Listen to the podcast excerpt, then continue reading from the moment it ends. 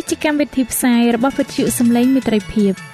វិទ្យុសំឡេងមេត្រីភាពសូមស្វាគមន៍អស់លោកអ្នកស្ដាប់ទាំងអស់ជាទីមេត្រី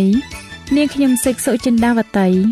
ហើយខ្ញុំបាទអង្ចាន់វិជ្ជៈក៏សូមស្វាគមន៍លោកអ្នកស្ដាប់ទាំងអស់ផងដែរនៅពេលនេះយើងខ្ញុំមានសេចក្តីសុំមនស្សរីករាយដោយបានវិលមកជួបអស់លោកអ្នកនាងកញ្ញាអ្នកស្ដាប់សាជាថ្មីម្ដងទៀត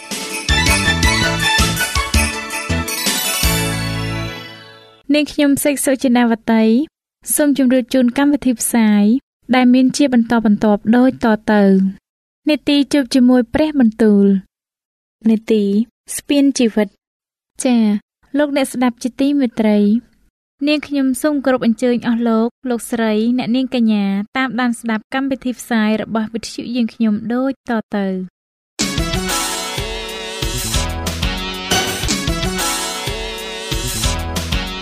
នេតិ ជួបជាមួយព្រះបន្ទូល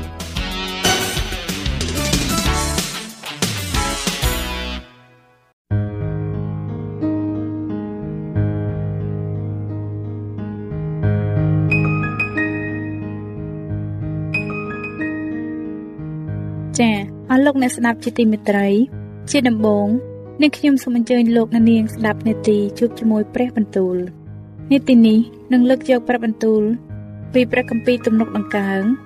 ដែលនឹងជម្រាបជូនដល់លោកអង្ចាន់វិជ្ជៈដូចតទៅ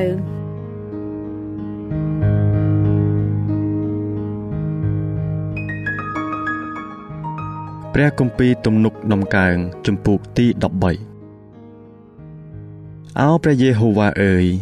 តើទ្រង់នឹងភ្លេចទូបង្គំដល់កាលណាទៀតតើដល់អស់កលឬអីតើនឹងលាក់ព្រះភ័ក្ត្រទ្រង់ចំពោះទូបង្គំដល់កាលណា តើទ្រង់ឲ្យទូបង្គំពិគ្រោះនៅតែក្នុងខ្លួនដល់កាលណា ដោយមានចិត្តព្រួយវល់ព្រឹកវល់ល្ងាចដូច្នេះខ្មាំងសត្រូវនឹងលើកខ្លួនឡើងតោះនឹងទូបង្គំដល់កាលណាទៅអោព្រះយេហូវ៉ាជាព្រះនៃទូបង្គំអើយសូមពិចារណាមើលហើយឆ្លើយមកទូបង្គំផងសូមបំភ្លឺភ្នែកទូបង្គំក្រែងទូបង្គំដេកលក់ទៅក្នុងសេចក្តីស្លាប់ក្រែងខ្មាំងសត្រូវរបស់ទូបង្គំថា អញបានឈ្នះវាហើយហើយអ្នកដែលតតាំងនឹងទូបង្គំ មានសេចក្តីអំណរដោយទូបង្គំត្រូវរអិលចេញប៉ុន្តែទូបង្គំបានទុកចិត្តនឹងសេចក្តីសប្បុរសរបស់ទ្រង់ចិត្តទូបង្គំនឹងរីករាយសប្បាយឡើង ដោយសេចក្តីសង្គ្រោះរបស់ទ្រង់ដែរទូបង្គំនឹងជ្រៀងថ្វាយព្រះយេហូវ៉ាត្បិតទ្រង់បានប្រោះការល្អជាបរិបូរណ៍ដល់ទូបង្គំហើយ ព្រះគម្ពីរទំនុកដំកើងចំពោះទី14មនុស្សល្ងងខ្លៅតែងគិតក្នុងចិត្តថាគ្មានព្រះទេ គេសុទ្ធតែជាមនុស្សខូចអាក្រក់គេបានប្រព្រឹត្តការដែលគួរស្អប់ខ្ពើម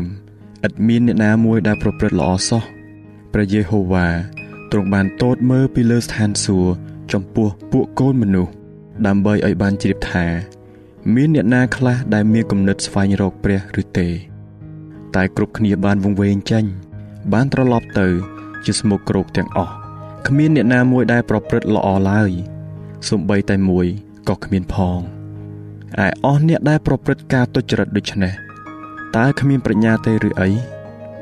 ជាពួកអ្នកដែលស៊ីរះអញដូចជាស៊ីអាហារហើយមិនដែលអំពាវនាវដល់ព្រះយេហូវ៉ាឡើយយ៉ាងនោះ គេមានសេចក្តីភិតភ័យជាខ្លាំងត្បិតព្រះទ្រង់ គង់នៅនឹងដំណរមនុស្សសុចរិតឯឯងរាល់គ្នា បានបន្ទុចគំនិតនៃមនុស្សក្រីក្រឲ្យមានសេចក្តីខ្មាស់ពីព្រោះគេបានពឹងផ្អែកដល់ព្រះយេហូវ៉ាអោបើសិនជាសេចក្តីសង្គ្រោះនៃសាសអ៊ីស្រាអែលបានចេញពីស៊ីយ៉ូនមកទៅអេសក្នុងការដែលព្រះយេហូវ៉ាទ្រង់នាំពួកឆ្លើយនៃរាជទ្រង់មកវិញនោះយ៉ាកុបនឹងអសប្បាយឡើង ហើយអ៊ីស្រាអែលនឹងរីករាយសាទរ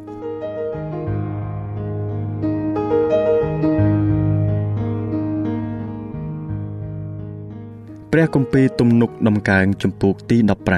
15អោព្រះយេហូវ៉ាអើយតើអ្នកណានឹងនៅក្នុងរោងអបរិសុទ្ធរបស់ទ្រង់តើអ្នកណានឹងនៅលើភ្នំបរិសុទ្ធនេះទ្រង់បាន គឺជាអ្នកណាដែលដើរដោយទៀងត្រង់ហើយប្រព្រឹត្តសេចក្តីសុចរិតព្រមទាំងពោលសេចក្តីពិតពីក្នុងចិត្តផង ជាអ្នកដែលមិនពោលបង្កាច់ដោយអណ្ដាត ឬធ្វើអាក្រក់ដល់មិត្តសម្លាញ់ ឬយករឿងបកគេពីអ្នកចិត្តខាងខ្លួនឡើយជាអ្នកដែលមានភ្នែកមើលមនុស្សពីល ដោយសេចក្តីស្អប់ខ្ពើម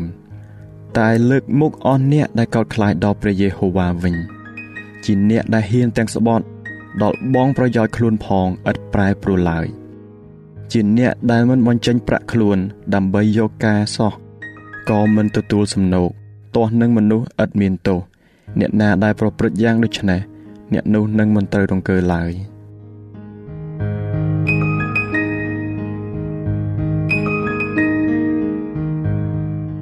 ព្រះគម្ពីរទំនុកដំកើងចំពោះទី16អោព្រះអង្គអើយសូមការពារទូបង្គំផងត្បិតទូបង្គំយកទ្រង់ជាទីពឹងខ្ញុំបានទូលដល់ព្រះយេហូវ៉ាថាទ្រង់ជាព្រះអង្គម្ចាស់នៃទូបង្គំក្រៅពីទ្រង់ ទូបង្គំរកសេចក្តីល្អមិនបានឡើយចំណែកពួកបរិសុទ្ធដែលនៅផែនដី នោះជាពួកប្រសើរដែលគប់ចិត្តទូបង្គំគ្រប់ជំពូកហើយពួកអ្នកដែលអាល័យតែតាមព្រះដតីនោះសេចក្តីទុកលំបាកនឹងចម្រើនជាច្រើនឡើងដល់គេទូបង្គំមិនព្រមជ្រួចឈាមថ្វាយដល់ព្រះទាំងនោះឡើយក៏មិនព្រមទាំងចេញឈ្មោះរបស់ព្រះទាំងនោះដោយបបោមាត់ទូបង្គំផងព្រះយេហូវ៉ា ទ្រង់ជាចំណែកនៃមរតកហើយជាចំណែកក្នុងពែងរបស់ទូបង្គំ គឺទ្រង់ហើយដែលត្រួតមើលចំណែកទូបង្គំខ្សែរង្វាស់បានធ្លាក់នៅទីកន្លែងគប់ចិត្តឲ្យទូបង្គំអើទូបង្គំបានទទួលមរតកល្អណាស់ទូបង្គំនឹងសរសើរដល់ព្រះយេហូវ៉ាតែទ្រង់ជួយគំនិតទូបង្គំអើចិត្តក៏បង្គាប់ដល់ទូបង្គំនៅវេលាយប់ដែរ ទូបង្គំបានតាំងព្រះយេហូវ៉ានៅមុខទូបង្គំជាតារាបហើយដោយព្រោះទ្រង់គង់នៅខាងស្ដាំទូបង្គំ បានជាទូបង្គំមិនត្រូវរង្គើឡើយហេតុនោះចិត្តទូបង្គំអសប្បាយហើយកិត្តិយសនៃទូបង្គំបានរីករាយឡើងរូបសាច់នៃទូបង្គំក៏នឹងនៅដោយសានត្រានដែរត្បិតទ្រង់មិនទុកឲ្យប្រលឹងទូបង្គំ នៅក្នុងស្ថានឃុំប្រលឹងមនុស្សស្លាប់ទេ ក៏មិនព្រមឲ្យអ្នកបរិសុទ្ធរបស់ទ្រង់ឃើញសេចក្តីពុករលួយដែរទ្រង់នឹងបង្ហាញឲ្យទូបង្គំឃើញផ្លូវជីវិតវិញ នៅចំពោះទ្រង់មានសេចក្តីអំណរដ៏ពោពេញនៅព្រះហស្ថស្ដាំទ្រង់មានសេចក្តីអសប្បាយជាដរាបតទៅ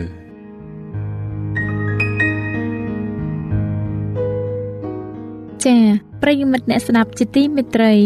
ដោយពេលវេលាមានកំណត់ យើងខ្ញុំសូមផ្អាកនេតិជប់ជាមួយព្រះបន្ទូលនេះ ត្រឹមតែប៉ុណ្ណេះសិនចុះដោយសន្យាថានឹងលើកយកនីតិនេះមកជម្រាបជូនជាបន្តទៀតនៅថ្ងៃច័ន្ទសប្តាហ៍ក្រោយ សូមអរគុណ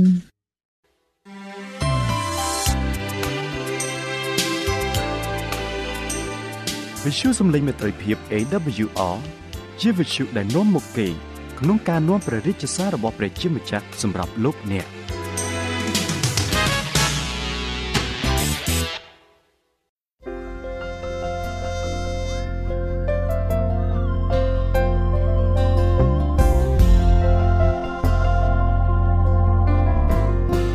ចា៎ជាបន្តទៅទៀតនាងខ្ញុំសូមគោរពអញ្ជើញអស់លោកអ្នកនាង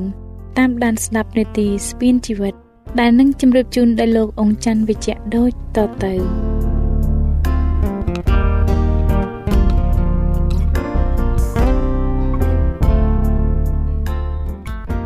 ខ្ញុំបាទសូមជម្រាបសួរអស់លោកអ្នកស្ដាប់ជាទីមេត្រី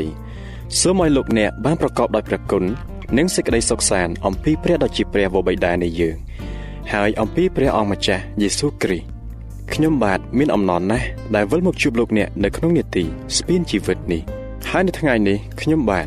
សូមលើកយកមេរៀនទី12ដែលនិយាយតាក់ទងទៅនឹងសុខភាព តាមរយៈមេរៀននេះតើយើងធ្វើយ៉ាងណា ដើម្បីឲ្យមានសុខភាពល្អដូច្នេះខ្ញុំបាទសូមគោរពអញ្ជើញលោកអ្នកតាមដានស្ដាប់មេរៀនទី12នេះជាមួយខ្ញុំបាទដូចតទៅ បាទជាដំបូងសូមលោកអ្នកនាងស្ដាប់រឿងខ្លីមួយជាមុនសិនមីងកៅជាអ្នកលក់នំបញ្ចុកនៅភូមិមួយថ្ងៃមួយប្តីគាត់មានជំងឺជាទម្ងន់គាត់ក៏បានយកប្តីគាត់ទៅកាន់មន្ទីរពេទ្យដើម្បីព្យាបាលរីឯលុយដែលគាត់សន្សំដោយរបរលក់នំបញ្ចុកជាច្រើនឆ្នាំមកហើយនោះ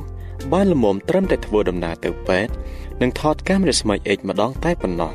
គ្រូពេទ្យប្រាប់ថា ប្តីគាត់ មានជំងឺមហារីកសួតដែលបណ្ដាលមកពីការជក់បារី ដើម្បីព្យាបាលនេះ គេត្រូវធ្វើការវះកាត់ដែលត្រូវចំណាយលុយអស់ជាច្រើនមីងកៅលើកដៃសំពះគ្រូពេទ្យទាំងបង្ហូរទឹកភ្នែកតែគ្រូពេទ្យពុំមានលទ្ធភាពនឹងជួយគាត់បានឡើយគាត់ក៏សម្រេចចិត្តនាំប្តីគាត់ត្រឡប់មកផ្ទះវិញក្រោយពីប្តីស្លាប់ទៅគាត់រស់នៅជាស្រីមេម៉ាយជាមួយកូន4នាក់ដែលលក់នំបញ្ចុកដើម្បីចិញ្ចឹមកូនយ៉ាងត្រដាបត្រដួសហើយកូនកូនរបស់គាត់ក៏ឈឺមិនដែលលួសថ្ងៃណាឡើយ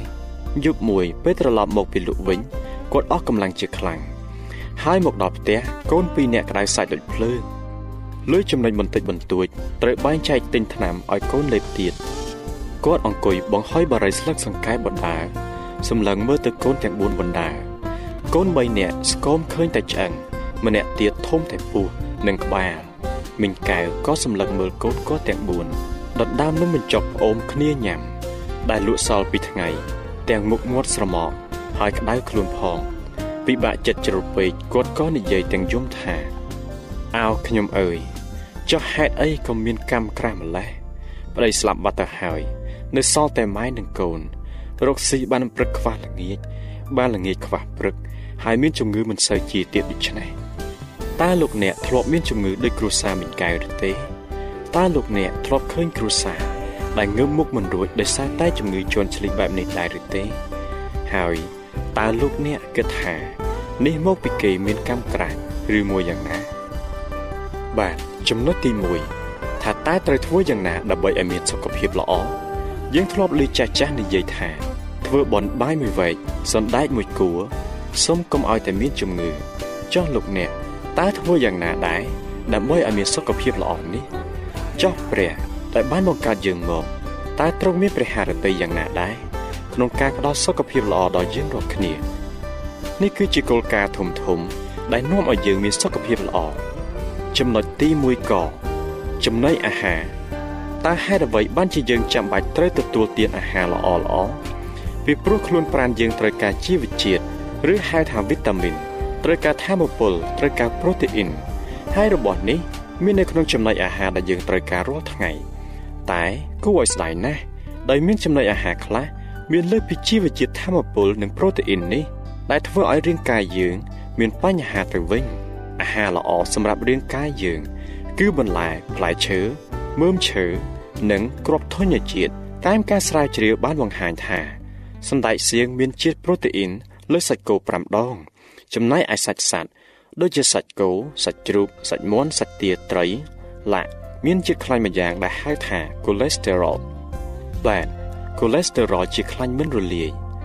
ដែលរាងកាយយើងត្រូវការយ៉ាងតិចតួចបំផុតហើយកាលណាខ្លាញ់នេះកកច្រើននៅក្នុងសរសៃឈាម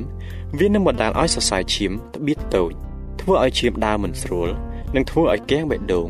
ឬលើសឈាមតាមការសង្កេតយើងឃើញថាប្រជារាស្ត្រខ្មែរយើង មានជំងឺលើសឈាមកើតឡើងយ៉ាងច្រើនជាលំដាប់ដោយសារតែពួកគាត់ទទួលទានអាហារដែលមានកូលេស្តេរ៉ុលច្រើនរាល់ថ្ងៃចំណែកឯព្រះគម្ពីរក៏បានចង្អុលបង្ហាញ អំពីចំណីអាហារល្អល្អដែលព្រះបានប្រទានមកឲ្យមនុស្សនៅក្នុងគម្ពីរលោកុបាទចំពុកទី1ខ29ទ្រង់មានបន្ទូលថាមើលអញឲ្យគ្រប់ទាំងទិន្នជាតិមានគ្រាប់ពូជដែលដោះនៅផែនដីនិងគ្រប់ទាំងរុក្ខជាតិទាំងឡាយដែលកើតផ្លែមានគ្រាប់ពូជទុកជាអាហារដល់ឯងព្រោះទ្រង់ចង់ឲ្យមនុស្សមានសុខភាពល្អហើយមានអាយុវែងចំណែកឯស្លឹកឈើឬបន្លែផ្សេងផ្សេងនោះទ្រង់ទុកសម្រាប់ជាចំណីសត្វវិញ គម្ពីរលោកុបាទចំពុកទី1ខ30ទ្រង់មានបន្ទូលថាហើយអញក៏ឲ្យគ្រប់ទាំងទិន្នជាតិខ្ចីខ្ចីទុកជាអាហារដល់អស់ទាំងសត្វនៅលើផែនដីដែលមានជីវិតទាំងប៉ុន្មានដែរនោះក៏មានដូច្នោះតែដោយមនុស្សមិនបានស្ដាប់បង្គាប់ទ្រង់ហើយធ្វើតាមការលបួងរបស់អារ្យនោះទ្រង់ក៏ដាក់បណ្ដាសាឲ្យគេបរិភោគបន្លែថែមទៀតគម្ពីរលោកុបាទចំពុកទី3ខ18បានចែងថាដីនឹងដោះបន្លា ហើយនឹងអញ្ចាញឲ្យឯងឯងត្រូវស៊ីអស់ទាំងទិន្នជាតិដែលដោះនៅស្រែចម្ការដំណងក្រោយមក មនុស្សក៏កាន់តែកើតច្រើនឡើងច្រើនឡើងនឹងកាន់តែមានបាបអាក្រក់ទៅអាក្រក់ទៅព្រះទ្រង់បានបំផ្លាញផែនដីដោយទឹកចំនួនចំនួន5ខែធ្វើឲ្យដើមឈើនិងមនុស្សសត្វទាំងឡាយស្លាប់អស់សល់តែគ្រួសារលោកតាណូអេ8នាក់ប៉ុណ្ណោះចំណែកសត្វព្រះក៏បានបង្គាប់ឲ្យលោកណូអេយកមួយមុខមួយគូមួយមុខមួយគូគ្រប់ប្រភេទចូលក្នុងទូក ពេលទឹកស្រកទៅវិញដើមឈើទាំងឡាយងាប់អស់ព្រះក៏អនុញ្ញាតឲ្យមនុស្សបរិភោគសាច់សត្វដែលរាប់ថាជាសាច់ស្អាតថែមទៀតគម្ពីរលោកុបាទចំពុកទី9ខ3និងខ4បានចែងថា បណ្ដាសត្វទាំងប៉ុន្មានដែលកម្រើកហើយនៅរស់នោះនឹងបានជាអាហារដល់ឯងដូចជាទិន្នជាតិទាំងអស់ដែលអញបានឲ្យដល់ឯងនោះដែរបាទអស់លោកអ្នកនាងស្ដាប់ជីទីមេត្រី ចំណែកឯសត្វស្អាតដែលគួរបរិភោគនិងសត្វមិនស្អាតដែលមិនត្រូវបរិភោគមានបញ្យលនៅក្នុងគម្ពីរលេវីនីចំពុកទី11លោកក្រោយមកមនុស្សក៏លែងចាប់អារម្មណ៍នឹងចំណីអាហារនេះ ដោយបរិភោគលោកលំច្រើនបែបយ៉ាង ធ្វើឲ្យអាយុគេកាន់តែខ្លីទៅខ្លីទៅ រហូតខ្មែរយើងនិយាយតតគ្នាថា ដាក់បងអោងឡើងដើមត្រប់សូមឲ្យលោកអ្នកពិនិត្យមើលតារាងចំណុចអាហារនិងអាយុរបស់មនុស្សដូចតទៅនេះ លោកអាដាមនិងនាងអេវ៉ាបរិភោគតែផ្លែឈើពួកគាត់នឹងរស់រហូត តែបានស្លាប់ដោយសារតែពួកគេមិនបានស្ដាប់បង្គាប់ព្រះលោកម៉ាធូសាឡាបរិភោគតែបន្លែនិងផ្លែឈើគាត់រស់បានអាយុ969ឆ្នាំលោកកបាត់ចំពុកទី6ខ27លោកសឹមនិងថេរ៉ាហូបតែសាច់ស្អាតគាត់រស់បានអាយុ500ឆ្នាំលោកកបាត់ចំពុកទី11ខ10 និងខ32ការបរិភោគចម្រោះនាសម័យបច្ចុប្បន្នមនុស្សយើងមានអាយុកាលជាមធ្យមគឺ70ឬ80ឆ្នាំតែប៉ុណ្ណោះទំនុកដំកើងចំពុកទី90ខ10ឥឡូវនេះលោកអ្នកបានឃើញច្បាស់ហើយនៅចំណុចអាហារដែលនាំមកនូវសុខភាពល្អនិងចំណុចអាហារដែលនាំមកនូវជំងឺតែលោកអ្នកប្រហែលជាកំពុងតែចោទជាសំណួរថាបើទទួលទានតែបន្លែនិងផ្លែឈើនោះធ្វើម៉េចនឹងមានកម្លាំងទៅ ព្រះគម្ពីរដានីយ៉ែលជំពូកទី1បាននិយាយអំពីដានីយ៉ែលនិងមិត្តភ័ក្តិគាត់3នាក់ទៀតដែលត្រូវគេចាប់ជាឆ្លុះសឹកហើយយកមកបំពន់ចំណីអាហារនៅក្នុងវាងរបស់ស្ដេចប៉ុន្តែលោកដានីយ៉ែលនិងមិត្តភ័ក្តិរបស់គាត់បានបដិសេធមិនព្រមទទួលចំណីអាហារស្ដេចដែលមានសុទ្ធតែសាច់និងស្រាផងនោះឡើយគម្ពីរដានីយ៉ែលជំពូកទី1ខ8ខ15និងខ16បានសម្ដែងថាប៉ុន្តែដានីយ៉ែលបានសម្រេចក្នុងចិត្តថា នឹងព្រមឲ្យខ្លួនសៅមងដោយអាហាររបស់ស្ដេចឬដោយសារទៅពាំងបាយជូរដែលទ្រង់ធ្លាប់សើយឡើយលុនដល់ផុត10ថ្ងៃទៅនោះមុខគេបានស្រស់ជាង ហើយគេមានសាច់ល្អជាងពួកកំឡោះកំឡោះដែលបរិភោគអាហារស្ដេចទៅទៀតដូច្នេះអ្នកតម្រួតក៏យកអាហារនិងសារទំពាំងបាយជូរដែលសម្រាប់ឲ្យគេនោះចេញទៅ ហើយបានឲ្យតែបន្លែដល់គេវិញគម្ពីរបានប្រាប់ថាដានីយ៉ែលជាមនុស្សដែលមានប្រាជ្ញាជាងគេ នៅក្នុងនគរនោះហើយបានធ្វើជាអ្នកត្រួតត្រាប្រទេស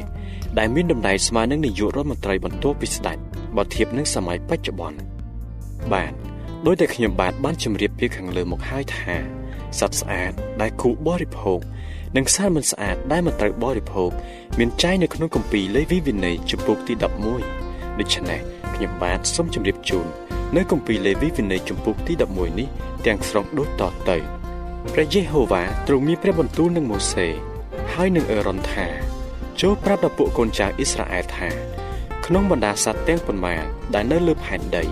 នោះឯងរកគ្នាត្រូវបរិភោគសត្វយ៉ាងនេះបាន គឺសត្វណាដែលមានក្រចកឆែកជាពីរហើយដែលទំពីអៀងផងនោះត្រូវបរិភោគបានប៉ុន្តែក្នុងបណ្ដាពួកសត្វដែលទំពីអៀងនិងពួកសត្វដែលមានក្រចកឆែកនោះមិនត្រូវឲ្យឯងរកគ្នាបរិភោគសត្វទាំងនេះឡើយគឺសត្វអូតមួយត្បិតវាជាទំពីអៀងតែគ្មានក្រចកឆែកទេ ជាសត្វដែលរាប់ជាមិនស្អាតដល់ឯងរកគ្នាទន្សាយថ្មមួយត្បិតវាទំពីអៀងតែគ្មានក្រចកឆែកទេ ជាសត្វដែលរាប់ជាមិនស្អាតដល់ឯងរកគ្នាទន្សាយគល់មួយត្បិតវាទំពីអៀងតែគ្មានក្រចកឆែកទេ ជាសត្វដែលរាប់ជាមិនស្អាតដល់ឯងរកគ្នាហើយជ្រូកមួយត្បិតវាក៏មានក្រចកឆែកពីរតែមិនទំពីអៀងទេ ជាសត្វដែលរាប់ជាមិនស្អាតដល់ឯងរកគ្នា មិនត្រូវឲ្យបរិភោគសាច់នៃសត្វទាំងនោះឡើយ ក៏មិនត្រូវទាំងពលខ្មោចវាផងត្បិតជាសត្វដែលរាប់ជាមិនស្អាតដល់ឯងរកគ្នាហើយឯបណ្ដាត្រីទាំងប៉ុន្មាននៅក្នុងទឹកដែលឯងរកគ្នាបរិភោគបាននោះគឺអស់ទាំងត្រីណាមានព្រុយហើយនឹងស្រកាដែលអាស្រ័យនៅក្នុងទឹកទោះក្នុងសមុទ្រឬក្នុងទន្លេក្តីត្រីទាំងនោះត្រូវបរិភោគបានតែក្នុងបណ្ដាត្រីដែលកម្រើកក្នុងទឹកនិងអស់ទាំងសត្វដែលអាស្រ័យនៅក្នុងទឹកនោះសត្វណាដែលឥតមានព្រុយនិងស្រកា សត្វនោះត្រូវរាប់ជារបស់គួរខ្ពើមដល់ឯងរាល់គ្នាវិញត្រូវឲ្យខ្ពើមឆ្អើមចំពោះសត្វទាំងនោះហហើយមិនត្រូវបរិភោគសាច់វាឡើយក៏ត្រូវរាប់ខ្មោចវាទុកជារបស់គួរខ្ពើមដែរសត្វណា នៅក្នុងទឹកដែលគ្មានព្រុយហើយនឹងស្រកានោះជាសត្វគួរខ្ពើមឆ្អែតដល់ឯងរាល់គ្នាហើយឯក្នុងបណ្ដាសត្វហើទាំងប៉ុន្មានក៏ដែរត្រូវឲ្យឯងរាល់គ្នារាប់សត្វទាំងនេះ ជាសត្វគួរខ្ពើមឆ្អែតមិនត្រូវបរិភោគឡើយត្បិតជាសត្វគួរខ្ពើមហើយ គឺខ្លែងមួយ ស្ទាំងមួយប្រមងមួយថ្មាតមួយ ហើយរអាតតាមពូជវា គ្រប់ទាំងក្អែកតាមពូជវាអូទ្រិចមួយខ្លែងស្រាក់មួយ រំពេមួយ ហើយនឹងអកតាមពូជវាមៀមមួយ ស្មោញមួយគូបមួយ ទីទុយមួយទុំមួយក្រៀលមួយកុកមួយ ក្រសាតាមពូជវាមួយ កំប៉ោយមួយ ហើយជ្រឹងមួយអស់ទាំងសត្វស្លាបមានជើង ដែលវាតោងបាននោះត្រូវរាប់ជាទីខ្ពើមឆ្អែមដល់ឯងរាប់គ្នាប៉ុន្តែក្នុងពួកសត្វមានស្លាបដែលវាតោឬដើរដោយជើងនោះឯងរាប់គ្នាត្រូវបរិភោគបានតែសត្វណា ដែលមានជើងសម្រាប់ផ្ទាត់នៅដី ក្នុងពូជនោះត្រូវបរិភោគសត្វទាំងនេះបាន គឺកណ្ដុបតាមពូជវាកន្ត្រូលតាមពូជវាចង្រិតដែកតាមពូជវា និងចង្រិតដូងតាមពូជវា តែអស់ទាំងសត្វស្លាបមានជើង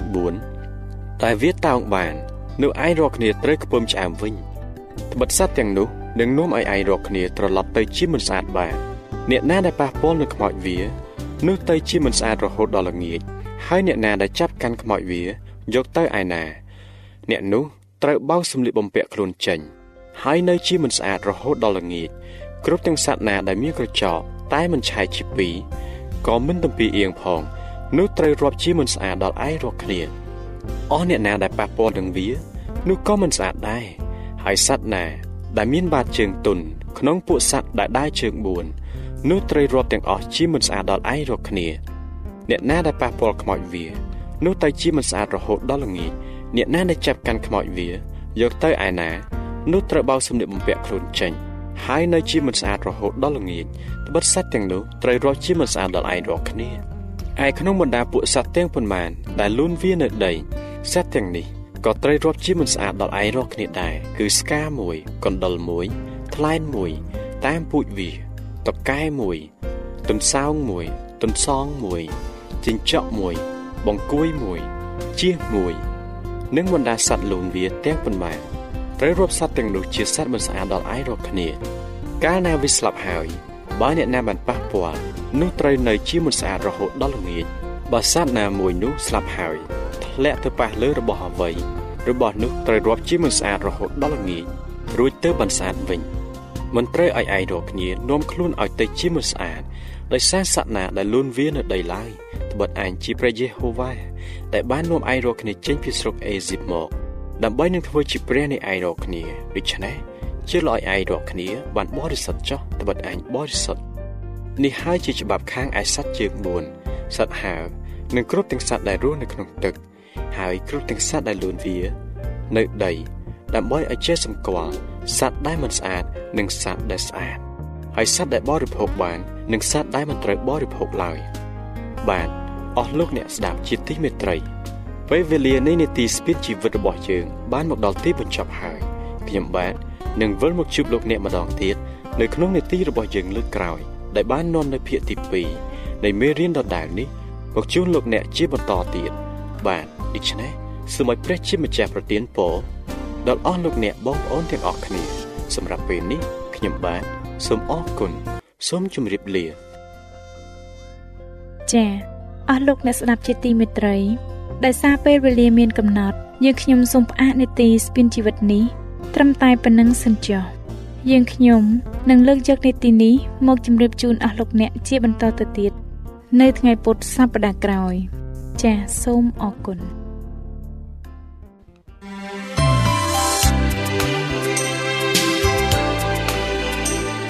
វិទ្យុសំឡេងមេត្រីភាព AWR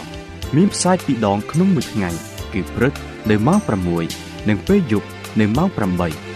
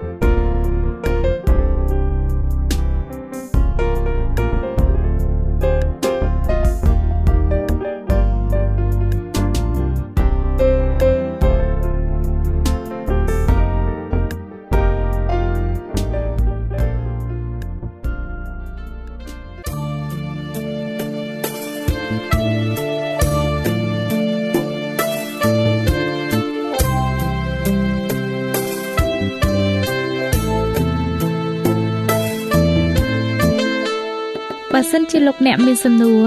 ឬសំណុំពរអ្វីសូមតាក់ទងមកការិយាល័យវិទ្យុយើងខ្ញុំ តាមអាស័យដ្ឋានផ្ទះលេខ15ផ្លូវលេខ568សង្កាត់បឹងកក់2ខណ្ឌទួលគោករាជធានីភ្នំពេញលោកអ្នកក៏អាចសរសេរសម្បត្តិផ្ញើមកយើងខ្ញុំតាមរយៈប្រអប់សម្បត្តិលេខ488ភ្នំពេញឬតាមទូរស័ព្ទលេខ012 34 96 64ឬ097 80 81 060ឬក៏តាមរយៈអ៊ីមែល vol@awr.org យើងខ្ញុំរងចាំទទួលស្វាគមន៍អស់លោកអ្នកនាងដោយក្តីសោមនស្សរីករាយហើយលោកអ្នកក៏អាចស្ដាប់កម្មវិធីនេះឡើងវិញដោយចូលទៅកាន់ website របស់វិទ្យុយើងខ្ញុំ តាមរយៈអាស័យដ្ឋាន www.awr.org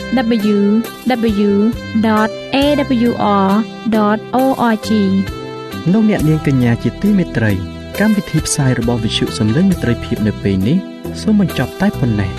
យើងខ្ញុំសូមអរគុណចំពោះការតាមដានស្ដាប់របស់អស់លោកអ្នកតាំងពីដើមរហូតដល់ចប់យើងខ្ញុំសូមជូនពរឲ្យអស់លោកអ្នកនាងកញ្ញាទាំងអស់បានចម្រើនឡើងក្នុងព្រះគុណព្រះអង្គម្ចាស់ ហើយក្នុងការទទួលយកព្រះយេស៊ូវគ្រីស្ទជាព្រះអង្គម្ចាស់និងជាព្រះអង្គសង្គ្រោះនៃយើងរាល់គ្នានាទីផ្សាយរបស់វិទ្យុយើងខ្ញុំនឹងវិលមកជួបអស់លោកអ្នកសាជាថ្មីម្ដងទៀតនៅថ្ងៃស្អែកវេលាម៉ោងដដែលនាងខ្ញុំសេកសុចិន្តាវតីនិងខ្ញុំបាទអ៊ំច័ន្ទវិជ្ជៈសូមអរគុណសូមជម្រាបលា